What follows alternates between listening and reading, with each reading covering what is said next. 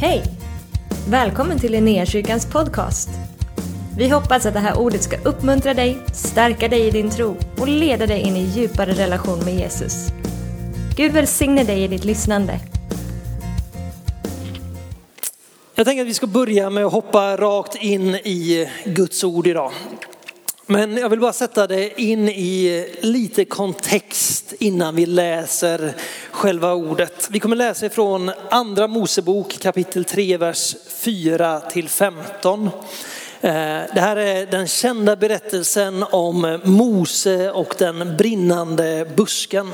Men det som har hänt innan här är att Israels folk har befunnit sig i slaveri i Egypten i 400 år.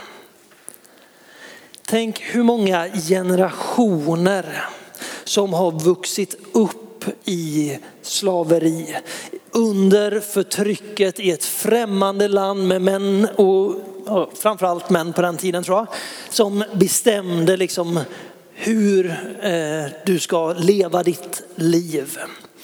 Jag tror att jag är den nionde generationen Wolf Brandt i Sverige. Det var två tyska bröder som kom till Sverige på 1700-talet. Vår medelålder är betydligt högre än vad den var för Israels folk i Egypten. Så tänk hur många generationer som har fötts, levt och dött i det här slaveriet. Liksom omgiven av den egyptiska kulturen, av den egyptiska mytologin med deras gudar, med deras tankesätt där farao är Gud själv. Och så föds det en pojk. En pojk som på men, nästan mirakulösa sätt hamnar i faraos innersta krets. Han får växa upp som en prins i faraos hus fast han tillhör Israels folk. Men vetskapen om att han är Israel, den finns kvar.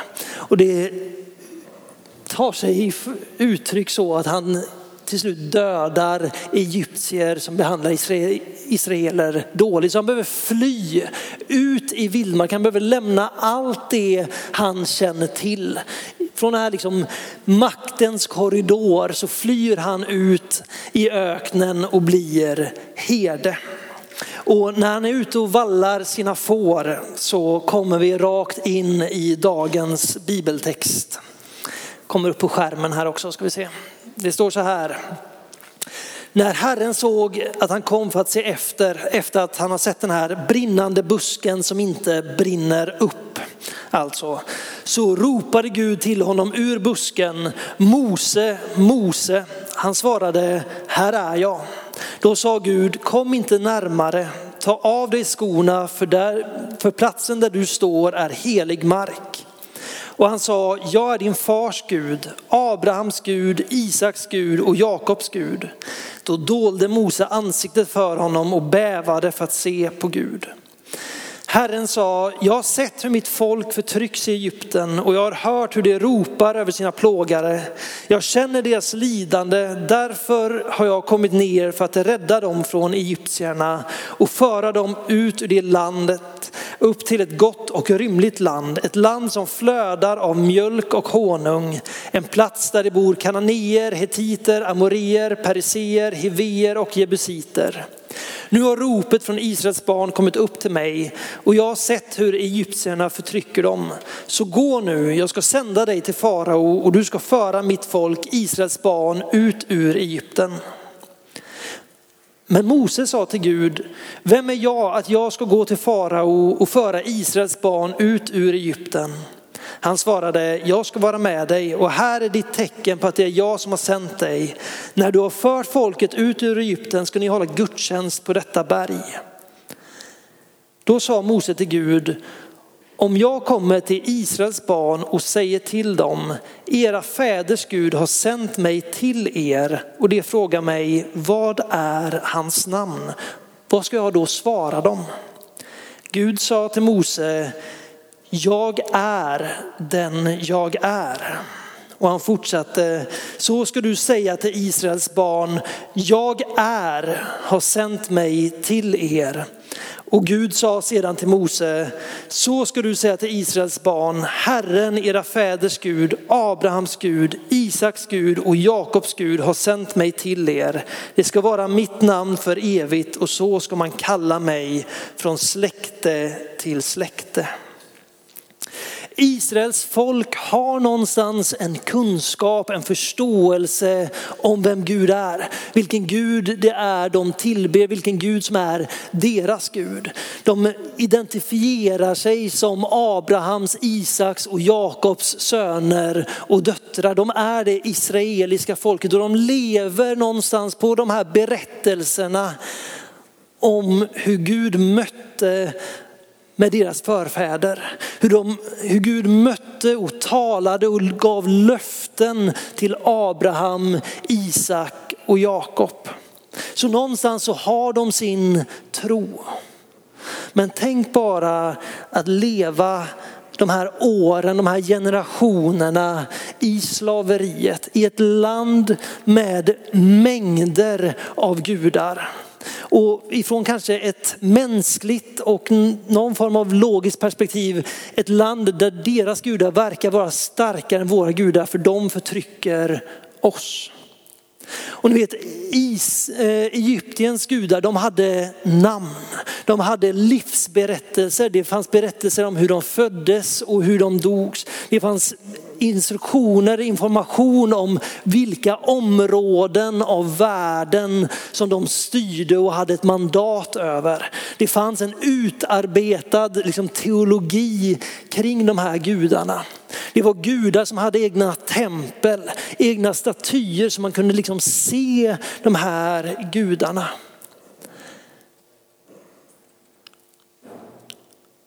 Tänk hur den här religionen som finns runt omkring, tänk de levnadsförhållanden som eh, israelerna hade, hur det måste ha påverkat deras syn på vem Gud är. För ni vet, vi påverkas av våran omgivning, av våra erfarenheter, av den kultur som finns runt om bland oss den svenska kulturen, det svenska samhället påverkar hur du tänker. Den har troligtvis påverkat din gudsbild. Inte att den dikterar för dig vem Gud är. Inte att den tar ifrån dig mötet du har haft med Gud, men vi är så formade av vårt samhälle så att vi liksom tänker och ser saker som är ur ett filter eller ur ett raster av det här. Och vi vill bara ge tre snabba exempel av sånt som i vårt samhälle är sådana saker som jag är ganska övertygad om att faktiskt påverkar vår världsbild, vår självbild och vår gudsbild. Sekulariseringen. Det är överallt runt omkring oss i våra samhälle.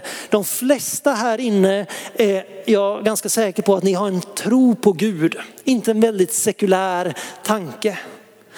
Men jag tror att väldigt många av oss också har svårt att se den andliga verkligheten runt omkring oss. Åker vi till Asien, Afrika eller Sydamerika så är den andliga verkligheten konstant närvarande i kulturen och i människors liv. Men på grund av vårt sekulära samhälle så har vi en tendens att vi delar upp vad som är andligt, vad det är Gud gör och vad det är som är fullt mänskligt och där Gud inte har något spelrum eller där andevärlden inte har något spelrum. Det påverkar sättet som vi möter vår vardag. Du har individualismen som är så stark i vårt samhälle så att det nog påverkar sättet som vi läser Bibelns texter. Allting handlar om mig, allting kretsar om mig, allting handlar om vad Gud vill göra i mitt liv. Kollar vi kontexten som Bibeln är skriven in så talas det nästan alltid in till en gemenskap. När Paulus säger att vi är en kropp. Om den ena lämmen lider så lider den andra lämmen. Hur sant är det i våra liv? Om Lovisa mår dåligt, behöver jag nödvändigtvis må dåligt då? Jag är ju min egen person på ett bibliskt plan. I Guds rike så hör vi ihop. Så om Lovisa lider så borde jag lida för det. Det är så vi, liksom, vi är fogade samman men vi är formade av vårt samhälles sätt att tänka att vi sätter mig själv, mitt och mina först. Humanismen, där människan på något sätt är sin egen Gud. Alla de här bitarna det formar oss att tänka på olika sätt som kanske inte överensstämmer med verkligheten. Så tänk då för Israels folk i det här, den här miljön som de har formats under 400 år. Det är en ganska rimlig, en ganska rimlig fråga från Mose att säga till Gud, men när jag nu ska göra detta som du säger åt mig att göra, vem ska jag då hälsa ifrån? Vem är det jag ska säga har sänt mig? Det står så här i eh, vers 13. Om jag kommer till Israels barn och säger till dem, era fäders Gud har sänt mig till er och de frågar mig, vad är hans namn? Vad ska jag då svara dem? Jag tror att Mose fråga kommer utifrån ett sånt här filter på något sätt.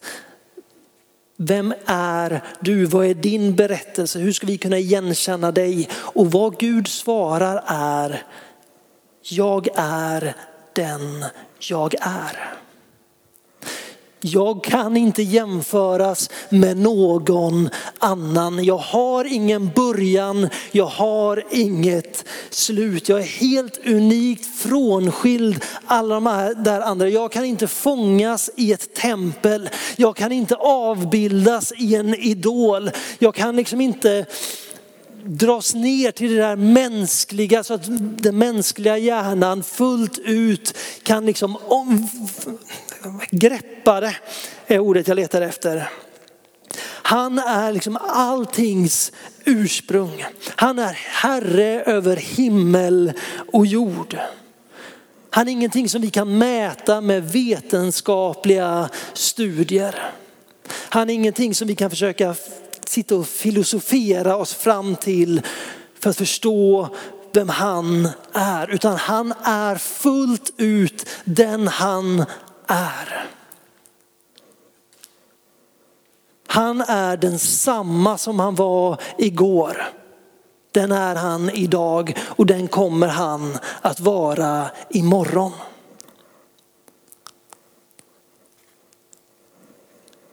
Tänk för Mose att komma tillbaka och försöka förklara det.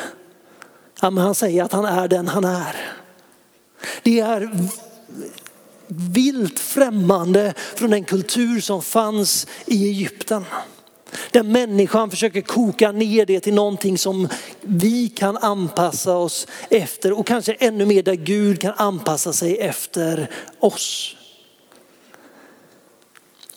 Så hur ska då Israels folk kunna ta till sig detta? Hur ska då vi kunna ta till oss detta? Det står så här i vers 15.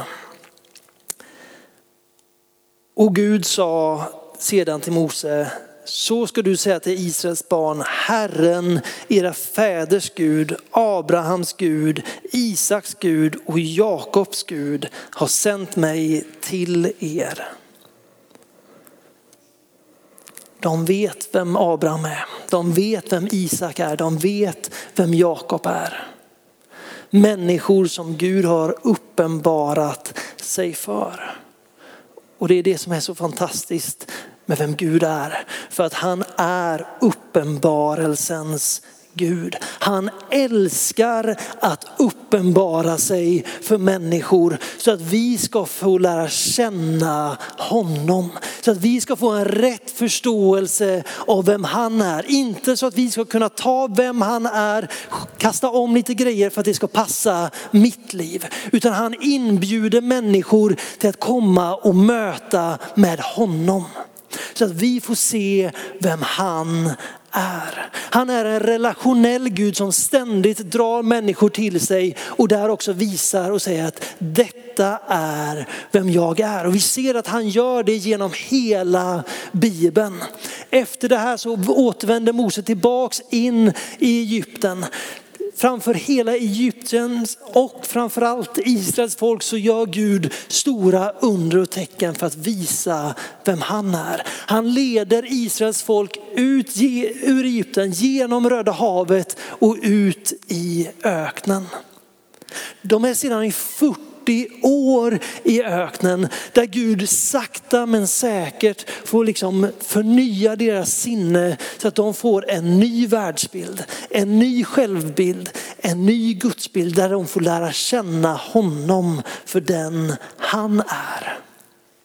För ni vet, våra erfarenheter formar oss.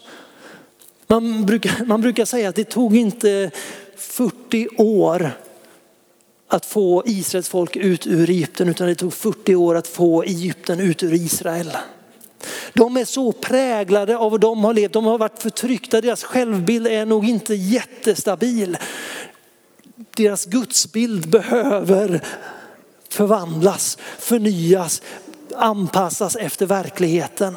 Det tar 40 år där i öknen där Gud förser dem, där han visar att han är trofast, där han leder dem, där han förbereder dem för att de ska kunna komma till den platsen där de kan gå in och ta emot löftet. Och Gud fortsätter genom hela Bibeln att uppenbara sig för människor för att visa vem han verkligen är. Och han har inte slutat att göra det. För det är så, det är skillnad på att ha kunskap om någonting och att ha fått uppenbarelse eller insikt i någonting. Det här låter kanske som en löjlig liknelse men jag tror att ingen man i det här rummet eller någon annanstans, hur mycket kunskap du än har om vad det innebär för en kvinna att vara gravid och föda ett barn. Vi kommer aldrig att kunna förstå fullt ut hur det är att bära liv inom sig och få vara med och ge liv. Vi kan förstå det på ett logiskt plan, vi kommer aldrig kunna liksom erfara det och få den insikten. Du kan vara professor och kunna allting om hjärnans olika substanser som utlöses när du blir förälskad. Har du inte erfarit en kärlek, en förälskelse så kommer du aldrig kunna förstå vad det är. Du kan vara en superlärd teolog. Du kan kunna gamla och nya eh, testamentet nästan utan till. Men utan ett möte med levande Gud så kommer du aldrig veta vem han är. Du kommer kunna ha kunskap om honom, men du kommer inte att känna honom. Men Gud är en Gud som älskar att uppenbara sig för sitt folk och för människor som ska lära känna honom.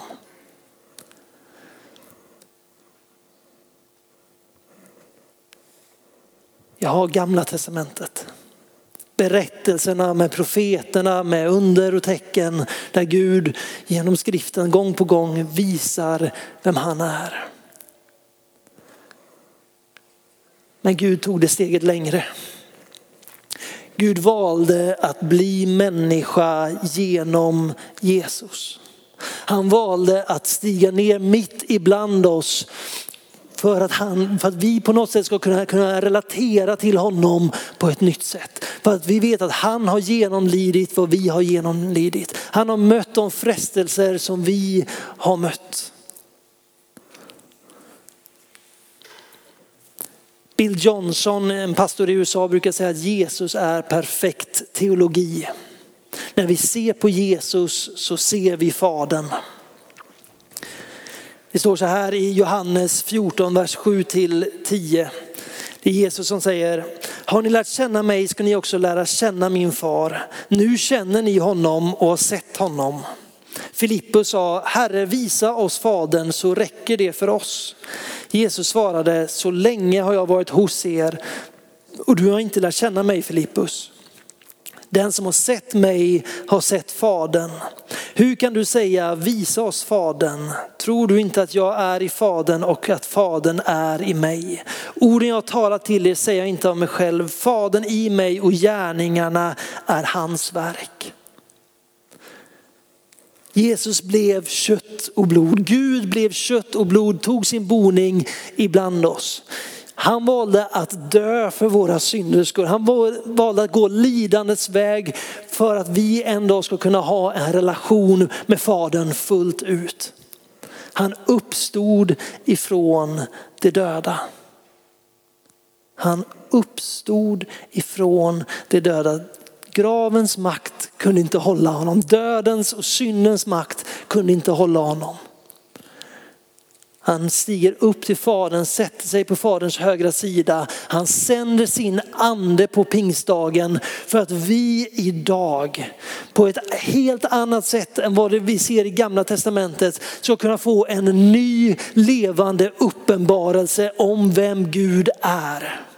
Därför den heliga ande kommer dig till mötes, flyttar in på din insida för att ge dig en förstahands erfarenhet av vem Gud är. För att du inte ska ha liksom ett tempel, för att du inte ska ha en stor staty, en bild av vem du tror att Gud är, utan för att du ska få en relation med levande Gud. Det är därför den helige har kommit, för att du ska få lära känna honom. Precis som Abraham, Isak och Jakob talade med Gud, kände Gud, fick visioner, drömmar och löften av Gud. Så har du idag den helige ande på din insida, vilket Abraham och de andra inte hade. Du har mer på din insida än vad de hade. För att Gud vill uppenbara sig i ditt liv, vem han är.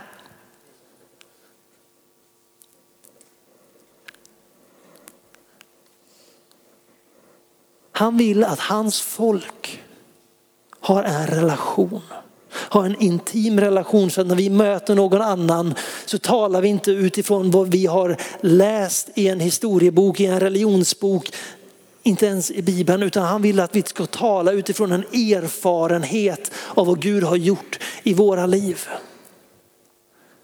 För när jag har gått i perioder när jag vet att Gud är han som förser. Det står i Bibeln, det är ett av Guds namnen att han är den som förser. Så har jag befunnit mig i situationer i mitt liv där jag liksom ännu inte har trott på att Gud kan förse mig. Där jag har känt mig utlämnad för jag har inte haft en erfarenhet av det. Jag har haft kunskap om det men på min insida så har inte uppenbarelsen landat. Men Gud har hållit vad han har lovit och han har försett. Jag går ifrån en sån upplevelse med en ny förståelse om vem Gud är. Inte kunskapen utan erfarenheten om vem han är. Jag har erfarenheter i mitt liv när Gud visar att han är trofast när jag inte är trofast. Där han bara visar gång på gång att han är den han säger att han är. Och Gud kommer att ta dig på en resa genom ditt liv där du i perioder kommer få lära känna nya sidor av Gud. Där han kommer ta dig genom prövningar för att du ska få lära känna nya sidor av Gud. För att du ska se att han fullt ut är den han säger att han är. För han är den relationella som kommer dig nära för att viska i ditt öra för att du ska ha full tillit till honom. Första gången jag körde bil, stor parkeringsplats, inga andra bilar, körde nog i fyra kilometer i timmen och jag tänkte jag kommer dö. Därför första gången du sitter bakom ratten så är det så det känns. Du känner det här går för fort, det här går för fort, jag kommer inte hinna svänga. Medan alla som står och kollar på tänker att snälla någon, Därför det är det som händer innan vi har erfarenheten. Vi kan vet, man sitter bredvid i bilen, man vet att vi kan köra 140 knyck. Det är lugnt. Men när du själv sitter där bakom ratten första gången, du har ingen erfarenhet att falla tillbaka du har inte liksom vanan i kroppen. Så blir man skräckslagen. Man vet inte vad man håller på med. Men den Gud som vi bekänner oss till, den Gud som vi tror, han är den han säger att han är och han kommer att visa dig vem han är. Den heliga ande kommer att visa dig vem Gud är. Jag vill bara poängtera, jag märker att jag har hållit på länge nu så jag ska alldeles strax runda av. Jag vill bara poängtera en sak här nu. Det innebär inte att det är min subjektiva upplevelse, min kanske erfarenhet eller vad jag landar i som avgör vem Gud är. Därför Gud är den han är. Det kan inte jag rubba på. Ingenting jag gör kan förändra vem han är. Idag är det väldigt populärt inom teologin att man försöker ta liksom det som det här vill jag att Gud ska tycka och sen försöker man omformulera Guds ord till den grad att det passar med det som jag tycker är rätt och riktigt. Jag försöker få min egen teologi att gå ihop så att Gud blir min lilla kompis Jesus som backar upp vad jag vill och jag tycker är bra. Det är inte vad det handlar om. För är Gud alltings ursprung, allting äh, skapare. Om han är A och O utanför tiden, han som har liksom inrymmer hela tiden i sin egen varelse på något sätt. Hur ska jag då som en liten individ kunna få honom att förändras? Hur ska mina erfarenheter kunna diktera vem han är? Men han kommer att uppenbara det för dig. Han kommer att komma dig till mötes. För det är Bibelns löfte. Om du ber så ska du få. Om du söker så ska du finna. Om du bultar så ska dörren öppnas för dig. Löftet är att han är trofast. Löftet är att han kommer att fullborda sitt verk i dig in till Jesu Kristi dag. Han verkar ständigt i ditt liv. Men Gud är inte vem jag vill att Gud ska vara, utan Gud är den han är. Så jag måste anpassa mitt liv efter vem han är istället för att försöka anpassa honom efter vem, för vem, efter vem jag är. För jag är inte den stora i den här ekvationen. Jag är inte den som upprätthåller allting, det är han. Så det jag måste säga när han säger att det här är sant så måste jag på något sätt liksom surrender, kapitulera inför vem han är. Komma tillbaks till den platsen och säga att dina tankar är högre än mina tankar. Dina vägar är högre än mina vägar. Därför jag tror, det var därför jag tog de här tre exemplen. Jag tror att de här områdena, sekularismen, humanismen, individualismen, det försöker att ta Gud från den han är i för oss själva nu. Ta den och anpassa honom så att han passar mina behov. Men om vi tror att det är sant som det är sagt i Matteus 6.33, om vi söker hans rike om vi söker honom så kommer vi få det där andra också. Han kommer att forma mig så att jag passar efter honom. Inte tvärtom.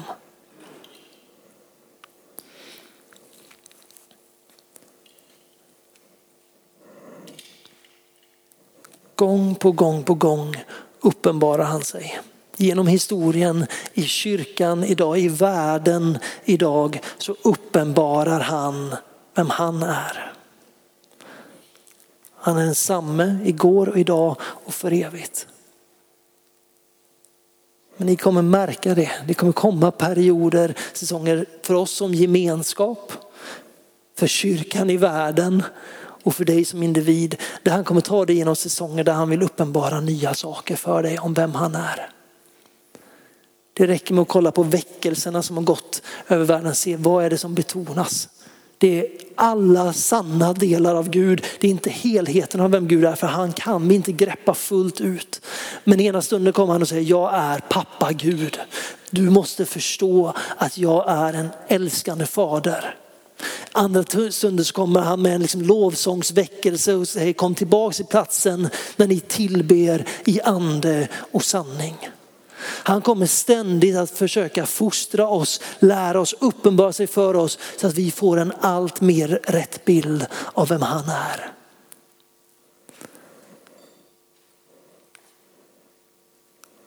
Och vår utmaning i ett svenskt sekulärt samhälle det är att låta oss förvandlas genom sinnets förnyelse. Romarbrevet 12.2. Anpassa er inte efter den här världen. Det är lättare sagt än gjort. Vi gör det utan att vi tänker på det. Och idag är det så mycket konflikter om vad Guds ord säger, saker som aldrig har blivit bestridda innan. Men idag försöker vi omforma det efter vad samhället vill. Det är inte bara en, två, det är hur många områden som helst som är under attack. Jag har saker i mitt område där jag brottas med Gud, för jag tycker att det borde inte vara så här. Men Guds ord säger nej. Det, Gud är den han är. Alltid, för evigt. Och jag får ödmjuka mig och bara liksom fortsätta söka hans uppenbarelse på min insida. Har jag erfarenheter där Gud blir en dömande, ond farbror på ett moln. Då är inte det sanningen bara för att jag har den erfarenheten. Därför genom sitt ord, genom sin son, genom Jesus så ser vi att det inte är sant. Han har bevisat sin kärlek en gång för alla när han lät sin enfödde son dö.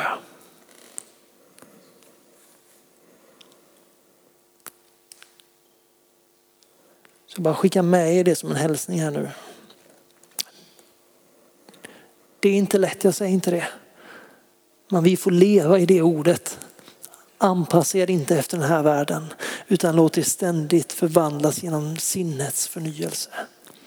Att vi får söka Guds uppenbarelse där han får komma oss till mötes. För ni vet, jag kan komma in med hur mycket argument som helst i ett möte med Jesus och jag går därifrån fri. Mina argument ligger kvar i en hög på golvet. Därför jag kommer in och vill liksom, Gud det här. Och i ett möte med honom när jag får se vem han är så går jag fri och frimodig och lätt därifrån. Därför det är den effekten han har när vi får skåda in i hans ögon och se vem han verkligen är. Så förvandlas vi. Jag vet inte om det här blev helt klart vänner, om det fanns en röd tråd i det eller inte men det är jag helt övertygad om därför det är så Gud har, hans karaktär har varit genom alla tider. Han vill komma med en ny uppenbarelse till dig. Han vill komma och visa dig nya sidor av vem han är. Att han får, du får känna, lära känna hans faders hjärta, hans hedershjärta, hans moders hjärta. Gång på gång på gång. Tillbaks till platsen till en relation. För det handlar inte om hur mycket vi kan om honom utan det handlar om hur väl vi känner honom. För när vi möter någonting som inte ringer klart med den erfarenheten vi har tillsammans med honom, då kommer det att varna oss för att här är någonting som inte är ifrån Gud. Då kommer vi kunna pröva om det här är någonting som är gott i Guds ögon eller inte. Därför att vi har en erfarenhet, en relation med honom. Det blir inte en fråga om teologi och läror. Utan jag vet att jag har spenderat tid med den här personen. Det du säger just nu, det kommer skava i hans öron. Det krossar hans hjärta.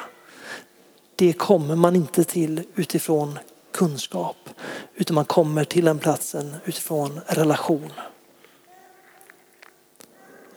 Och det är vem han är. Relationell, som jag har relation med dig. Kan vi göra så att vi ställer oss upp tillsammans.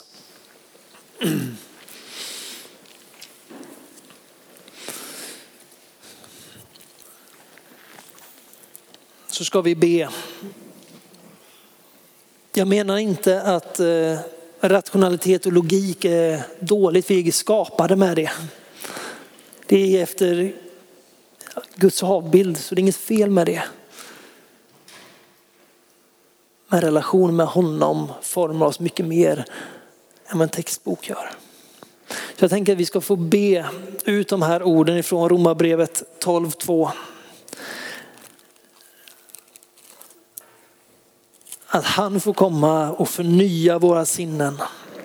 Att han får komma och öppna våra ögon så att vi får se honom klart och tydligt. Så att vi får se evangelium på rätt sätt. Jag läser ordet och så ber vi. Och anpassa er inte efter den här världen utan låt er förvandlas genom sinnets förnyelse så att ni kan pröva vad som är Guds vilja, det som är gott och fullkomligt och som behagar honom. Herre, vi tackar dig för vem du är. Vi tackar dig för att du är en Gud som väljer att uppenbara dig för oss. Helige Ande, jag tackar dig för att du dagligen uppenbarar för oss vem Fadern är, vem Jesus är. Och vi bara ber helige Ande just nu att du får komma och du får röra vid våra hjärtan och vid våra sinnen. Herre, jag ber att om vi har erfarenheten med oss av en liksom dålig relation tillsammans med dig här så ber vi att du just nu bara får komma och skölja det rent Herre. Herre jag ber att om vi har egna områden av kunskap som vi känner att detta är större än din sanning Herre så ber jag att du just nu får komma och ödmjuka oss. Herre vi vill inte ha vår version av dig utan vi vill ha den äkta varan. Vi vill ha dig Jesus. Vi vill ha dig fullt ut. Vi vill inte ha 50% Jesus, 50% Benjamin utan vi vill ha 50, 100% eh, Jesus. 100% Jesus. Så Herre vi ber kom och rör vid våra hjärtan. Kom och förnya vårt sinne så att vi ser och hör dig på ett nytt sätt Herre. Så att vi förstår i våra hjärtan att du lyfter slöjan från våra ögon så att vi får skåda din härlighet på ett nytt sätt Herre. Herre, jag ber att i den här stunden, det som är vårt bagage, det som är vårt, de bördor vi bär Herre, att de får falla av. Precis som du drog Israels folk ut ur Egypten Herre, så ber jag att du får leda oss ut ur slaveriets bojor Herre. Jag ber att du får leda oss in på en, ett utrymme där det finns tid att andas Herre, där det finns tid att mötas med dig Herre. Där det finns en plats som är förberedd av dig för relation tillsammans med dig. Där du får vara Herre i vår, våra liv Herre. Så vi bara bryter varenda lögn just nu som inte överensstämmer med sanningen om dig Herre. Vi bara välkomnar heliga Ande att komma med din sanning fullt ut. Kom med din sanning fullt ut för vi vill lära känna dig Herre. Vi vill återspegla och representera dig från den här världen så klart och så rent som möjligt. Och vi tackar dig Herre för att vår intellekt, eh, vårt intellekt aldrig kommer kunna ta oss hit utan din ande kommer kunna göra det. Så vi bara välkomnar dig helige ande. Rör vid våra hjärtan. Rör vid våra sinnen Herre låt oss vara som lera i krukmakarens händer. Forma oss efter din vilja Herre. Forma oss efter vem du är Herre så att våra hjärtan återspeglar ditt hjärta Herre. Så att våra drömmar återspeglar dina drömmar Herre. Herre, jag ber just nu för stunden av tillbedjan och förbön. Kom och möt med oss Herre. Vi behöver ett nytt möte med dig. Herre, vi vill inte leva på gammalt bröd. Vi vill inte leva på berättelserna från våra förfäder om hur de mötte med dig. Utan vi vill ha ett möte med dig idag Herre. En ny relation med dig Herre. En ny relation med dig helige Ande där du får fritt spelrum. Så kom och förhärliga Jesus mitt ibland oss. I Jesu namn. Amen. Tack för att du har varit med oss. Hoppas du känner dig inspirerad av Guds ord och har fått nya perspektiv. Hör gärna av dig till oss och berätta om Gud har rört vid dig på något sätt. Vi är så glada att få höra vittnesbörd om vad Gud gör. Du kan mejla oss på adressen info och dit kan du även mejla om du har ett böneämne som du önskar att vi ber för. Eller om du har tagit emot Jesus och inte har någon bibel så vill vi mer än gärna skicka en bibel till dig. Skicka ett mejl med ditt namn och dina adressuppgifter till info så ser vi till att du får en.